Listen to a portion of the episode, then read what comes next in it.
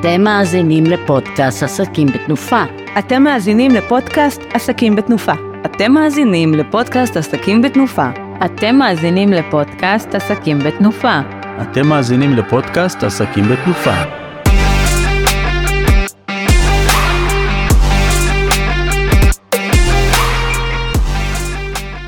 היי חברים, אנחנו בפודקאסט מספר 15 של עסקים בתנופה. שמי גלעד עוז ואני uh, מלווה משקיעים בהשקעות uh, נדל"ן מעבר לים, השקעות מסחריות בארצות הברית, ואני פה נמצא עם uh, יוסי מזרחי. יוסי, תציג את עצמך.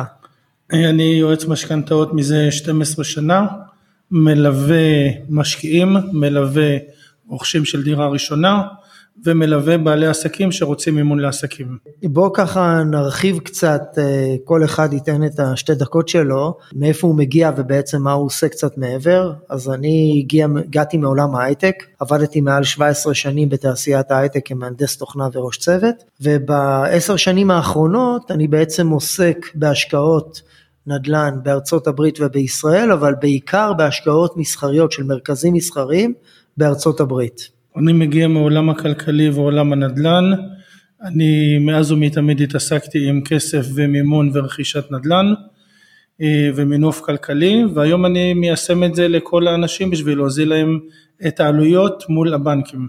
בעצם מה שאנחנו, מה שהחלטנו שאנחנו נדבר עליו היום זה בעצם כל מה שקורה בארץ ובעולם, כל המשבר הכלכלי שאנחנו חווים, את כל היוקר המחיה שאנחנו חווים, את זה שהריביות עלו, ש, שבוא נגיד שהרבה יותר קשה היום אה, לחיות בארץ ולהוציא את אותן הוצאות שאתה, שאתה רגיל להוציא אותן, היום זה עולה לך הרבה יותר. אז אולי, אה, אולי תתחיל אתה קצת, תדבר קצת על איך, איך זה נראה, איך מבחינת אה, משפחה ישראלית או מישהו ישראלי, איך זה משפיע עליו ברמה, ברמה הבסיסית. ההשפעה על הישראלי מתחילה בזה שקודם כל אנחנו דבר אחד מאוד קטן, אנחנו מושפעים ממה שקורה בעולם. אה, לפני כשנה פלוס שהתחילו עליות הריבית, האינפלציה שגרמה לעליות הריבית בארצות הברית, שהיום הריבית בארצות הברית היא 4.75, שזו ריבית מאוד יקרה יחסית למה שהיינו לפני שנה ושנתיים. הכסף הזול מת, אין יותר כסף זול, הכסף היום יקר. וזה גלובלי, זה משפיע גם עלינו. הגענו למצב שריבית בנק ישראל היום היא יחד, ריבית הפריים היום היא 5.75, שלפני שנה היינו ב-1.6, קפצנו מדרגה מאוד גדולה בתקופת זמן מאוד קצרה, שבנק ישראל לא האמין, לא ציפה שהוא יגיע לנקודה שבה הוא נמצא היום. אף אחד לא יודע עדיין איפה זה יעצור, כי האינפלציה ממשיכה להתרומם במיוחד בארץ. בעולם האינפלציה התמתנה, נעצרה בירידה, אצלנו בארץ האינפלציה ממשיכה לעלות, שני המדדים האחרונים הם 0.5, אנחנו נמצאים כרגע בחודש מרץ 23, אה, נגיד בנק ישראל צפוי בעוד כעשרה ימים להחליט אם הוא מעלה את הריבית שוב, בעקבות קריסת הבנקים בארצות הברית יש סיכוי שבארצות הברית יעצרו עם עליית הריבית בשביל להקל על האנשים יש מצב שזה ישפיע גם עלינו, ואולי גם הנגיד אצלנו יעשה איזה אתנחתא קלה, השאלה אם זה יוריד לנו את האינפלציה בארץ האתנחתא שלו, או שיגביר אותה, אבל זה צריך לעלות בחדות גדולה יותר, ולך תדע לאן נגיע. כן, אני מסכים באמת עם כל מה שאמרת, אין ספק שהריבית, אה, אנחנו מאוד, אנחנו שוק קטן ואנחנו מושפעים מאוד מהשוק בארצות הברית, הריביות בארצות הברית עלו משמעותית, היום אם יכולת למשל לקבל אני על מרכזים מסחריים, על נכסים מסחריים, הריביות שהייתי מקבל על משכנתאות היו סביב החמש, היום זה לא פחות משמונה לתשע בבנקים, זאת אומרת זה באמת עלה משמעותית מאוד. בוא נדבר קצת על מה זה אומר מבחינת המשפחה של, של ישראלי ממוצע, מה זה אומר לו, מה זה אומר, איך זה פוגע בו בכיס, או מה, מה זה גורם לו אה, לשנות, אה, להתנהל אחרת, או, או, או מהם הדברים שזה משפיע עליו במיידי, זאת אומרת ברור ש, שהריביות אה, במשכנתאות עולות אז מן הסתם זה משפיע עליו מאוד והוא צריך לשלם יותר משכנתה וכתוצאה מכך נשאר לו פחות כסף בכיס, אבל איזה עוד מקומות זה משפיע עליו? זה משפיע עליו בכל מקום, קודם כל רמת המחירים בארץ היא מאוד גבוהה ביחס לעולם, הריבית שנהייתה מאוד יקרה גרמה לעליית המשכנתה בכאלף שקלים בממוצע למשכנתה בישראל. אלה שהתחייבו לדירה לפני כשנה וחצי ובאים היום לקחת את הכסף, העלייה שלהם היא אפילו גדולה יותר, ההחזר החודשי שלהם לעומת לפני שנה וחצי גדל כ-25% יותר. הרבה אנשים מתקשים היום, הם חותמים על המשכנתה היום והם לא יודעים איך הם יצליחו לעמוד באותו החזר. בגלל זה היום הרבה אנשים הולכים למסלולים הצמודים, למסלולים המסוכנים יותר, רק בשביל להקטין את ההחזר החודשי, בעוד שנתיים, שלוש, ארבע, בתקווה שהשוק יתאזן ויתמתן, כל האנשים האלה יצטרכו למחזר את המשכנתה שלהם. השאלה איזה קנסות הם עשויים יהיו לחוות. מצד שני, ככל שיהיו קנסות גדולים יותר, המצב של הלקוח יהיה טוב יותר בעתיד. כן. נשמע לא טוב, אבל ככה זה, ככל נכון. שהקנס גדול יותר, אתה תרוויח יותר לטווח הרחוק יותר. מסכים איתך לגמרי.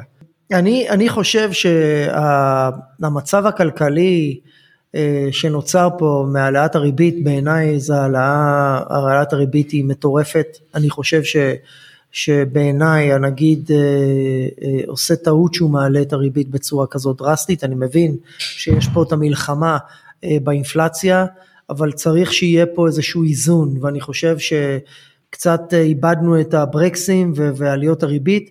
עכשיו, אם לצורך העניין הבנקים היו מאזנים את הריביות וכתוצאה מכך מורידים את מרווח הרווח שלהם וזה אומר שאוקיי עדיין אה, הריביות עלו, ריבית הפריים עלתה אבל עדיין המרווח של הבנקים ירד, היה יורד לצורך העניין אז היה עוד איכשהו היו יכולים אנשים להסתדר ועוד איכשהו לשלם את המשכנתה, זה היה עולה ב-300-400 שקל, היו יכולים לחיות עם זה. בפועל מה שקורה זה שהבנקים לא מוותרים על המרווחים שלהם, אולי אפילו גם מגדילים אותם בחלק מהפעמים, וכתוצאה מכך שבן אדם שיש לו משכנתה של מיליון שקל, פתאום צריך לשלם עכשיו עוד אלף, אלף מאתיים שקל בממוצע, כמו שאתה אומר על המשכנתה, וזה בעייתי מאוד. עכשיו, אם היה לו תוכניות לנסוע לטוס אה, לחו"ל פעמיים בשנה, פתאום גם זה עכשיו לצורך העניין גם כן נפגע מכיוון שמה לעשות יש פחות, פחות כסף, המשכורות לא עולות בהתאם, זה נשארו את אותן משכורות וזה בעיה מאוד מאוד קשה, אני חושב שהכל פה עולה, אנחנו כל פעם מרגישים, אני לפחות מרגיש שכל פעם יש פה עוד איזשהו תחום שבו עולה, עולים המחירים. אתה אתה הולך לסופר, היום אתה משלם יותר. אתה הולך לתחנת דלק, היום אתה משלם יותר. כלומר, אין, אין איזשהו אספקט אחד, אני חושב, שהוא, שבו אתה אומר, אוקיי, פה, בסדר, אנחנו יכולים להסתדר, זה פשוט כל הזמן עולה. תראה, מה שאמרת על הבנקים הוא נכון. בתחילת הדרך, לפני כשנה שהכל התחיל להשתולל ולעלות, הבנקים מאוד הרוויחו, אבל מצד שני גם הגיוסים שלהם, שהם היום מגייסים את הכסף למסלולים של המשתנה או למסלולים של הקבועה, הגיוסים שלהם עלו ובעקבות זה גם הריביות האלה עלו. היום אנחנו נמצאים בשוק שיש בו עיוות. ריבית הפריים שהיא הייתה הריבית הכי זולה בתמהיל המשכנתה, היום היא הריבית הכי יקרה במשכנתה. היום לקחת משכנתה בריבית פריים של 5.75 וגם אם נקבל הנחה בפריים של מינוס 0.75 נשלם ריבית של 5% וזה לא משנה לאיזה תקופה ניקח את זה, אנחנו יושבים על ריבית של כ-5% רק בפריים, והנטייה של זה היא להמשיך לעלות בכל פעם שהנגיד יעלה את הריבית. מצד שני, מי שלוקח היום ריבית קבועה, היא יותר זולה. ויש עוד אבסורד נוסף, נכון להיום, מרץ 23, שככל שהריבית הקבועה לאורך זמן, לקחת אותה תקופה ארוכה יותר, הריבית זולה יותר. תמיד הריבית הקבועה ככל שקיצרת שנים הייתה זולה יותר, היום יש עיוות בשוק, הגיוסים שהבנקים מגייסים כסף לתקופה ארוכה יותר, זולה יותר, זולה יותר מתקופה קצרה. עכשיו מצד שני אם נשים את כל הכסף היום בקבועה ונרצה למחזר את זה בעוד שנתיים, שלוש, ארבע שהריביות ירדו, אנחנו עשויים לקבל קנסות. צריך בשביל זה לדעת לעשות את האיזון, לקחת מעט מאוד כסף בפריים, אם נרצה לסלק חלק תוך כדי התקופה, עד שזה יקרה, ולקחת מסלול שנקרא משתנה לא צמודה. מסלול משתנה לא צמודה היום בחלק מהבנקים, הגיוסים שלהם כל כך זולים, שזה מסלול שאתה יכול לקחת אותו על חשבון רכיב הפריים, ועל ידי זה להוזיל את ההחזר החודשי שלך, ולקבל לך יציבות לתקופה של שנתיים, חמש או שבע, בהתאם לתחנה שבחרת, יש אפשרות גם לעשר שנים לקחת את המסלול הזה, ועל ידי זה כל עליות הפריים שאתה עשוי לחוות בתקופה הקרובה לא יקרו. אתה נשארת עם ריבית שהיא זולה מריבית הפריים, היא לא צמודה למדד, וזה אחד הדברים שנכונים נכון להיום לעשות בתמיד של משכנתה. לגמרי, לגמרי מסכים איתך. בוא נדבר על השקעות קצת. אנחנו במצב נורא נורא אה, קשה בעולם ובארץ, זאת אומרת, הריביות הן ברמה גבוהה, יוקר המחיה גבוה, זה, אם זה בכלל זמן נכון להשקיע היום, זאת אומרת, יש לך, יש לך, בוא נאמר ככה, היום כשאתה קונה דירה בישראל, אז במקרה הטוב, לצורך העניין, אתה תקבל אה, ריבית, אה, תשואה של 4% על הנכס, אבל מצד שני אתה בא ולוקח הלוואה כדי לקנות משכנתה, כדי לקנות את הנכס, אז אתה תשלם עליה במקרה הטוב 6.5-7 אחוזים, זאת אומרת אתה נמצא בתזרים שלילי, זאת אומרת מה שזה אומר בפועל, שכל חודש אתה בעצם תצטרך להביא כסף מהבית בשביל להצדיק את ההשקעה, שזה הזוי, כי אתה השקעה היא אמורה להיות השקעה מניבה, אתה אמור לקבל כסף מהדבר הזה כל חודש, אז איפה, איפה זה, מה, מה אתה חושב על העניין הזה? בשוק הריביות של היום אם אתה משקיע שצריך ללוות כסף מהבנק, השכירות שתקבל על אותו נכס תהיה קטנה מסך המשכנתה שתחזיר לבנק. זאת אומרת השוק היום למשקיעים הוא פחות ופחות אטרקטיבי. מצד שני יש הרבה אנשים שהמשכנתה לוחצת אותם וקשה להם והם מוציאים את הדירות שלהם למכירה ועוברים לנכס זול יותר. אם מזהים את ההזדמנות של אותו אדם לחוץ למכור את הנכס וקונים את הנכס יותר בזול, זו הזדמנות שטובה להשקיע בארץ, אבל זה עדיין בשוליים, זה ממש בקטן וקשה לאתר את זה, בגלל זה נכנסת האפשרות של השקעה בחו"ל. השקעה בחו"ל יכולה להניב לך, כי אפילו כדירה ראשונה אין לך דירה בארץ, אתה תלך לגור בשכירות, תיקח את ההון העצמי שיש לך הקטן שלא מספיק לדירה, לא תצטרך להוסיף על זה משכנתה, תשקיע אותו בחו"ל, התשואה שתקבל משם בחו"ל תאפשר לך לשכור דירה בישראל באותו מקום שרצית לקנות ולגור. בעוד שנתיים שלוש תממש את ההשקעה שלך, השוק פה יירגע, תעשה רוורס, תחזור חזרה לישראל, תקנה את אותו נכס, בינתיים תצבור הון עצמי. משקיעים מצד שני יכולים למנף את הבית הקיים שיש להם, את הקירות שיש להם, עד ל-50% משוויו, לגייס כסף על ידי זה מהבנק ולקבל תשואה בארצות הברית או במקומות שונים גבוהה יותר ממה שהם משלמים מהלוואה. לבנק, מהלוואה. נכון, נכון, נכון. שזה פתרון נוסף איך להרוויח היום כסף. צריך לדעת להגיע לאדם המתאים, האמין, שדרכו אפשר ליצור את זה. ופה אתה יכול לספר קצת על העסק שלך, איך עושים את זה. אז, אז קודם כל אני רוצה לגעת במה שאתה אמרת מקודם על הנושא של, אה, של אה, הזדמנויות השקעה בישראל. אז כן, אני חושב שזה נכון לא רק בישראל, אלא גם בארצות הברית ובכל העולם. נדל"ן זה נדל"ן. אם אתה יודע לקנות נכס שהוא מתחת למחיר השוק, היום אתה הרווחת. זה לא משנה אם השוק כרגע הוא עולה או השוק כרגע הוא יורד, זה פחות מעניין. אם אני יודע לקנות נכס שעולה מיליון שקל ב-700-600 אלף שקל, בואנה אני שיחקתי אותה.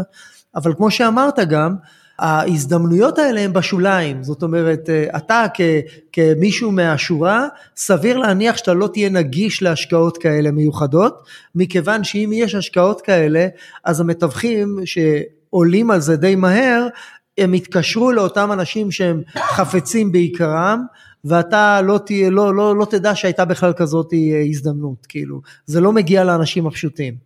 אז זה נכון, אפשר uh, לעשות uh, השקעות בישראל בהזדמנויות, אם זו הזדמנות באמת של קנייה מתחת למחיר השוק, uh, אבל אם אתה באופן כללי, רוב האנשים לא נגישים לזה, ואתה קונה משכנתה, את הכסף אתה קונה ב-6.5-7 ומקבל 4 אז יש פה בעייתיות. ובאמת מה, ש, מה שאני עושה, מה שהארו אינבסט עושים, בעצם אה, להנגיש למשקיעים שלנו השקעות מעבר לים, אוקיי?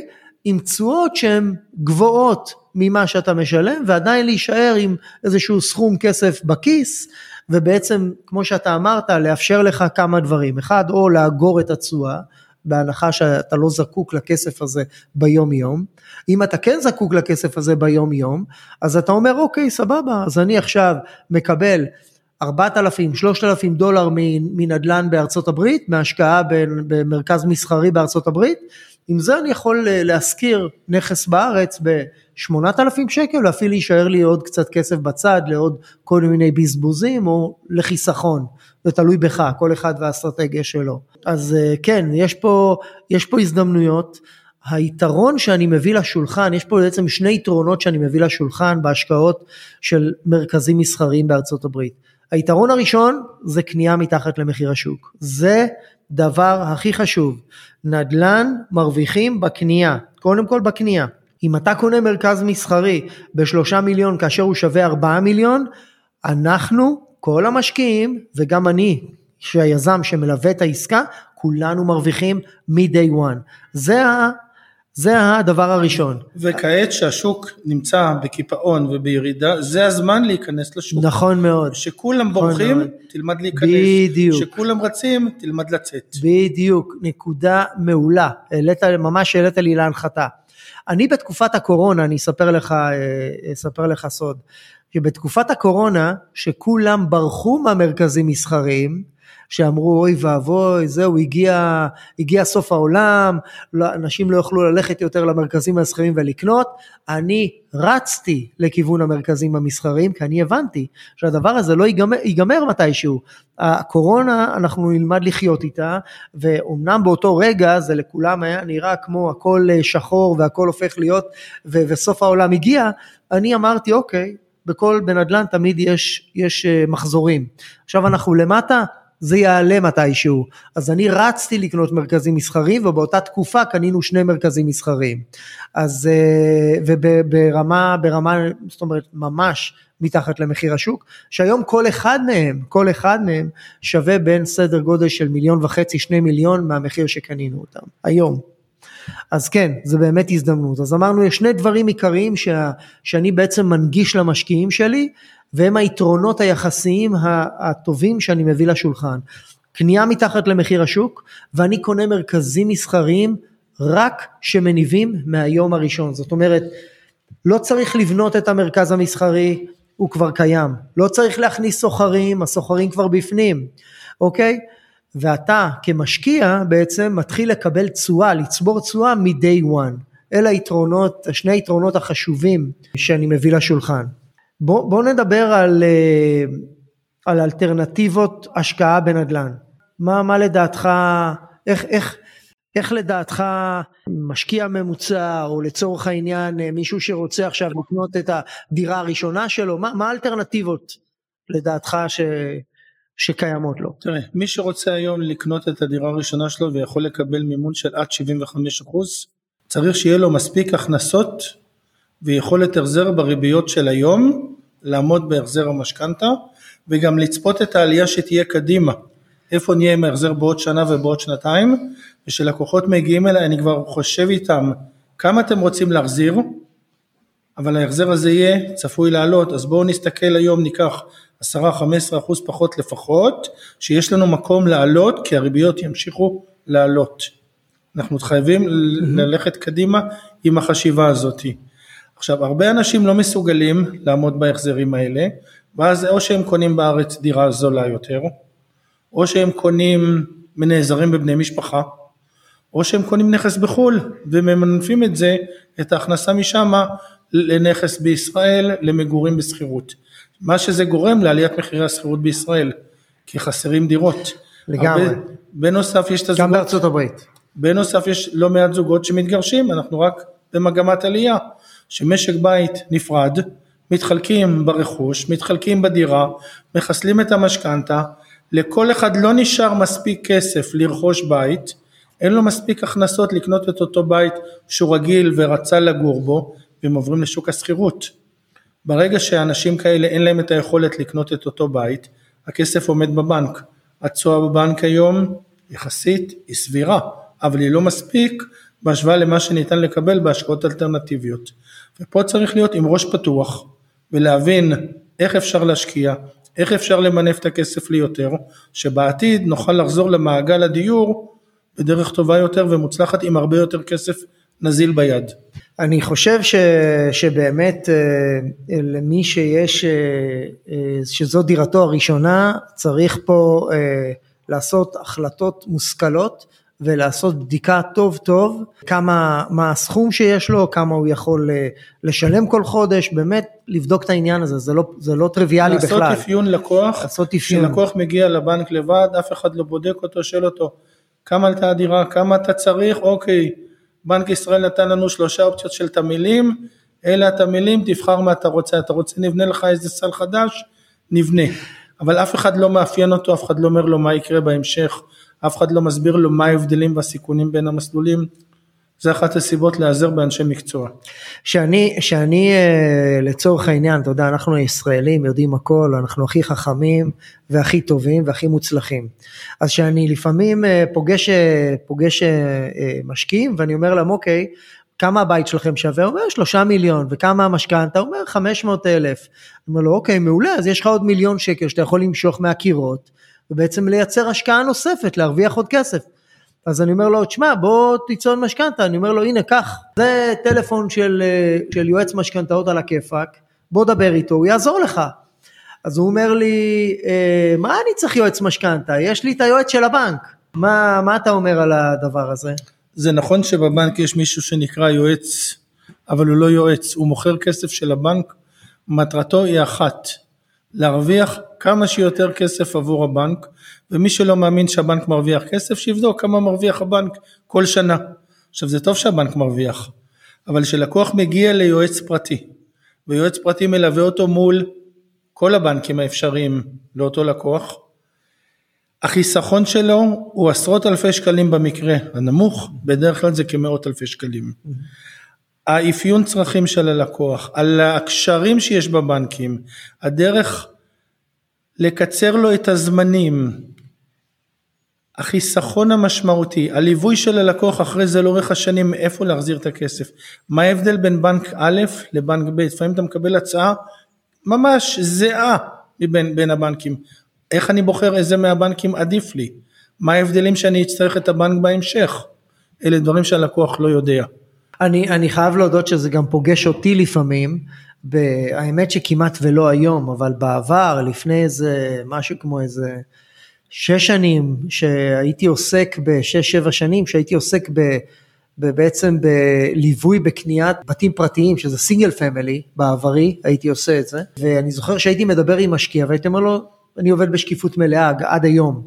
אני תמיד אומר מה אני מרוויח מה המחיר של הנכס הכל פתוח בשקיפות מלאה וכשהייתי בא למשקיע והייתי אומר לו תקשיב הנה זה מה זה הרווח שלי אז הוא אומר לי, מה, למה אני צריך לשלם אה, תיווך, אני יכול אה, ללכת ולקנות את זה לבד. כאילו, זה, זה כאילו גם כן פגש אותי בקטעים מסוימים. אני חייב להודות שתודה לאל לא היו הרבה כאלה, אוקיי? והיום בכלל אני לא פוגש אנשים כאלה, כי היום אנשים, יש יותר מודעות להבנה של לקחת אנשי מקצוע. זאת אומרת, אם אתה צריך משכנתה מהבנק, אתה תיקח אחד יועץ יועץ משכנתאות על הכיפאק. אם אתה צריך מישהו שילווה אותך בהשקעה ביצירת הכנסה חודשית על ידי השקעות נדל"ן בארצות הברית, אתה תיקח מלווה שייקח אותך לשם, או לצורך לחילופין תיקח יועץ פיננסי או מישהו שילווה אותך בתהליך הזה, מכיוון שהנזק שיכול להיגרם לך אם אתה לא תיקח יועץ כזה, הוא יכול להיות הרבה הרבה הרבה יותר גרוע, הרבה הרבה יותר גדול לעומת הכסף ששילמת כשכר טרחה לאותו איש מקצוע. ההשקעה בנדל"ן זה ההשקעה הכי גדולה שאנשים עושים. ולא חוסכים בייעוץ. בכל השקעה שעושים צריך לקחת את האדם המתאים לו. לא נעשה את החוזה רכישה לבד בלי עורך דין, לא נקנה אותו בלי לקחת אותו לבדיקה. אותו דבר לא נלך לבנק בלי יועץ. אני יכול להגיד לך יותר מזה, יש לי לקוחות מהעבר שניגשו לבנק לבד וקיבלו תשובה לא. הלכתי לבנק והפכתי את הלא לכן. ועל מה? על דברים מינימליים ברגולציה שפקידי בנקים לא יודעים מה אומר לא החוק. לא מסבירים גם, גם לא מסבירים לא, את זה. הם לא יודעים מה אומר החוק. אתה נכנס לבנק, אתה אומר, אני רוצה לקבל 75% מימון לדירה ראשונה. אתה מביא את ההכנסות שלך. אתה מצהיר בין היתר שיש לך דירה בשכירות שקיבלת בירושה. ואז הבנק אומר, טוב, אז יש לך דירה, דירה, נכון, מגיע לך 50%, 50 אחוז מימון, ברור. אבל אני רוצה 75, בלי זה אני לא יכול לרכוש את הנכס. ופקידי בנק לא יודעים שזה אפשרי לקבל 75 אחוז מימון. וזה נתקלתי בתופעה הזאת לפחות בשלושה פעמים בבנקים שונים, אצל פקידים שונים. בסוף הם אומרים, טעינו, הלקוח קיבל את הכסף, יש לו דירה, עם הריביות של פעם. כן, יפה, יפה. לא, אין ספק, לקחת, לקחת מישהו, אתה יודע, אני נותן את הדוגמה הזאת ל, לאנשים שאני איתם בפגישה, כאשר מדברים איתי על ייעוץ משכנתאות או כל ייעוץ אחר שצריכים לקבל. ואני אומר, תגיד, שאתה חותם אה, חוזה בארץ ואתה קונה דירה בארץ, אתה מקבל חוזה, נכון? אז אתה לוקח עורך דין או הולך ללמוד משפטים? אז הוא אומר לי, לא, ברור אני הולך לקרוא, אמרתי לו, למה? הרי אם אתה חושב שאתה יכול לעשות הכל לבד, לך תלמד משפטים ואז תלך תקנה דירה. אז הוא אומר לי, לא, לא, מה, אתה השתגעת? אמרתי לו, אוקיי, אותו דבר. אם אתה, יש לך בעל מקצוע, שזאת העבודה שלו, שזה ההתמחות שלו, שהוא יכול להביא לך ערך בזמן קצר מאוד, וכן, אתה תשלם על זה, אתה אמור לשלם על זה, כי הוא, את כל השנים שהוא למד ואת כל הדברים, את כל הידע שלו, הוא מתמצת לך את זה בשעה של שיחה, או בשבוע של עבודה. אתה אמור לשלם על זה, אין מה לעשות. אז היום, היום זה באמת אה, יותר אה, ויותר אנשים אה, מבינים את העניין הזה. דיברנו על היתרונות בהשקעה מניבה בחו"ל לעומת השקעה בישראל, נכון? דיברנו על זה?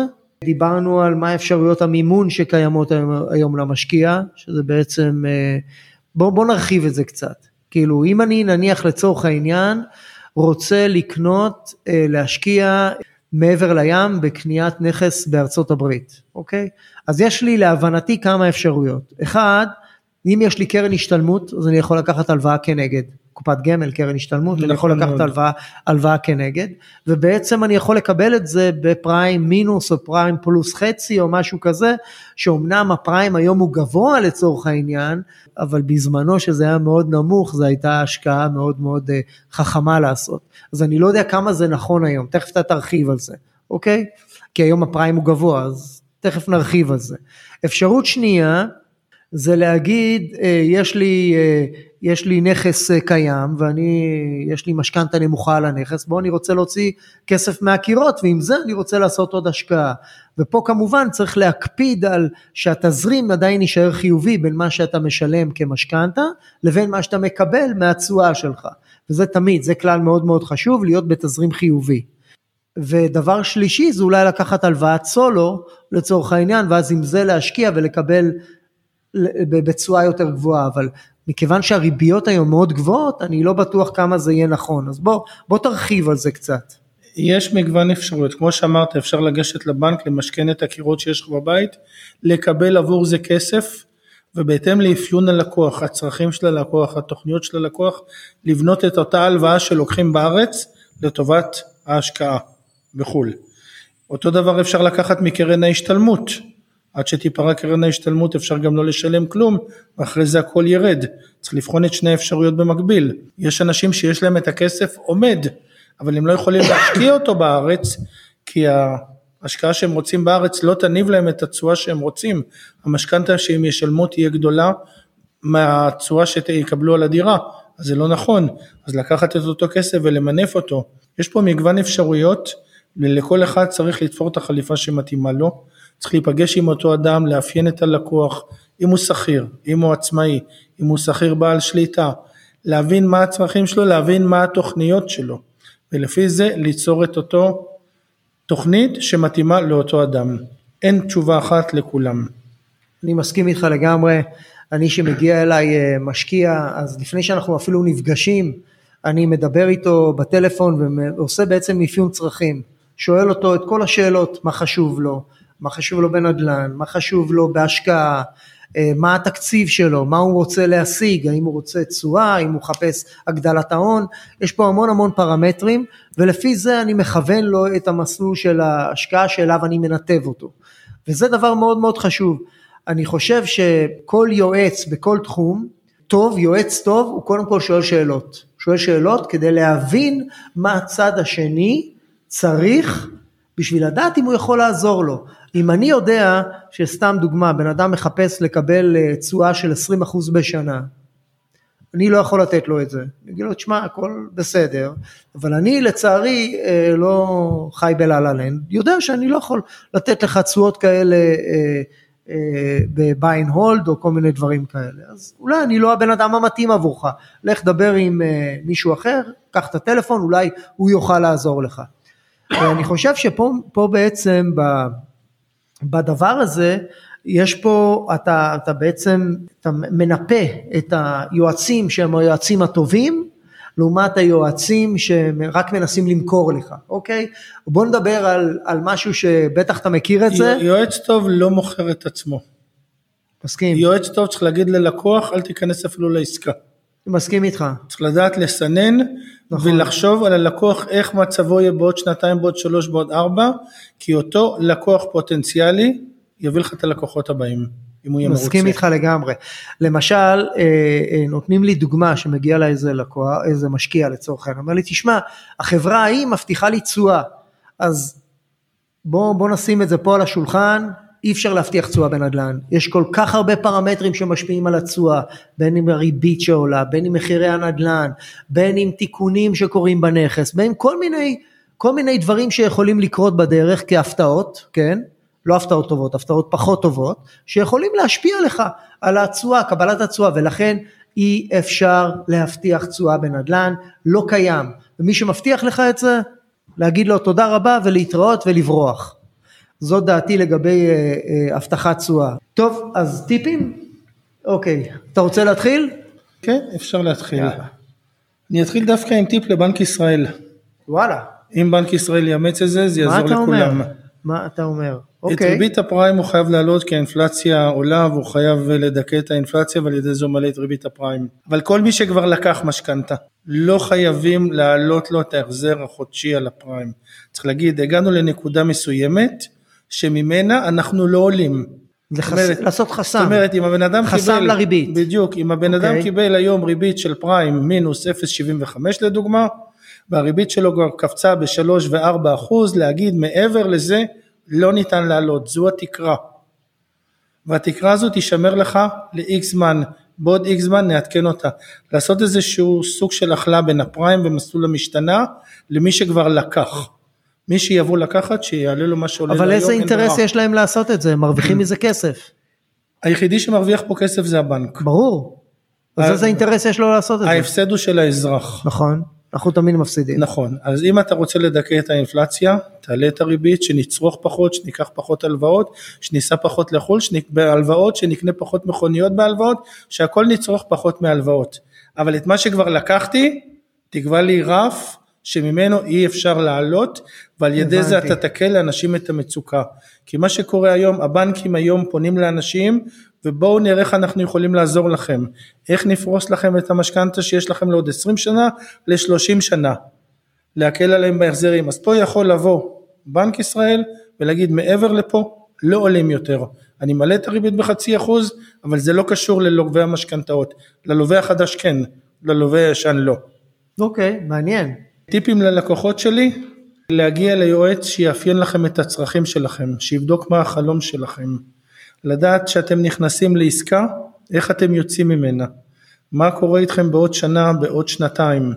אחד הדברים שלי כיועץ יש, הקשרים בבנקים. הקשרים שלי בבנקים פותחים את הדלת, עוזרים להשיג את התנאים הכי טובים ללקוחות שלי. היועץ שבבנק לא עוזר לכם כלום, אני חוסך לכם שעות עבודה, חוסך לכם ימי חופש, חוסך לכם זמן בהתנהלות מול הבנק, מקצר את התהליכים, כל מה שנשאר לכם לבוא לבנק זה לחתום. כן, כן, אני מסכים איתך. אני לא הייתי קורא לו יועץ של הבנק, הייתי לו רועץ של הבנק, בעיקר, כי הוא מעניין אותו רק הבנק ולא, ה, ולא הלקוח. טיפים שלי למשקיעים. אז קודם כל, אם אתה בתחילת דרכך כמשקיע, קודם כל תלמד את התחום. תלמד את התחום שאתה רוצה אה, להשקיע בו. החלטת להשקיע? מצוין. עכשיו גם תנטרל את רעשי הסביבה שמורידה אותך. ולמה אני אומר את זה? כי מי שרוצה להשקיע, אז, אה, אז הסביבה שלו בדרך כלל תהיה אנטי נגד זה, תגיד לו תשמע מה אתה צריך לעשות עכשיו, מחירי הנדל"ן למעלה, הריביות גבוהות, זה, זה לא כדאי לך לעשות את זה, מה הם עושים בעצם? הם בעצם מפילים עליו את כל הפחדים שלהם, הפחדים שלהם. והם, ולא בהכרח זה נכון. עכשיו, אני לא אומר שהם עושים את זה מתוך רוע, הם עושים את זה מתוך דאגה, אבל זה לא משהו שאתה רוצה לעשות, אתה רוצה לקדם את עצמך לכיוון מסוים, תהיה בסביבה שתומכת בך, כדי לייצר לעצמך סביבה יותר קלה להשקיע. הכי חשוב זה לעשות. ולא לפחד, כאילו לדבר וללמוד, יש כאלה שהם מה שנקרא סטודנטים אה, נצחיים, מכיר את זה? שהם ככה, אני למדתי איך לעשות אה, תמ"א 38, ואני למדתי את זה, ואני למדתי נדל"ן ארה"ב, ואני למדתי את זה, ואני למדתי את זה, ויופי, ועשית משהו? אפשר, לא. אפשר ללמוד הכל וזה טוב, שמגיע אליי לקוח שיודע, טוב. ללמוד זה טוב, זה אבל הכי- לעשות עם זה משהו, נכון. לא, רק, לא רק בתיאוריה. זאת אומרת, אם אתה לומד על, על כל כך הרבה דברים ובפועל אתה לא עושה עם זה איזשהו משהו שבעצם מקרב אותך לחזון, ש, ש, ש, בהנחה שיש לך חזון, או למטרות שלך שאתה רוצה לה, ל, ל, להגיע אליהם, אז מה עשית בזה? אז למדת בתיאוריה, מה יצא לך מזה? מה שאתה לא עושה ביום יום, אל תעשה. צריך לעשות את הדבר יום יום בשביל לשחות באותו שוק נכון של מאוד. אותו נושא. נכון. אני לא יודע לפרק את הטלוויזיה ולתקן אותה, אני לא יודע לתקן את המדיח. לפרק אני דווקא יודע. לפרק כן, אבל לא לתקן שזה יעבוד. כן. אז אני אזמין את אותו טכנאי כמה שזה עולה לי. כן. אז אה, ועוד טיפ אה, אה, אחרון שהוא מאוד חשוב בעיניי, כאשר אני שואל אנשים מה בעצם משקיעים שלי שמגיעים אליי, מה הדבר הכי חשוב בהשקעת נדל"ן, אז אומרים לי זה תשואה, עליית ערך, הסביבה וכן הלאה וכן הלאה, אני אומר להם לא לא, אתם בלבלתם, הדבר הכי חשוב בהשקעת נדל"ן, במיוחד מעבר לים, זה בחירת היזם, שילווה אותך בתהליך, ההחלטה, זו ההחלטה הכי חשובה שתקבל, מכיוון שהוא יודע את הדברים שאתה לא יודע, וכדי שאתה תצליח בדבר הזה, אתה צריך לבחור מישהו שאתה מרגיש איתו בנוח, ויקח אותך לאן שאתה רוצה להגיע, למטרות שלך.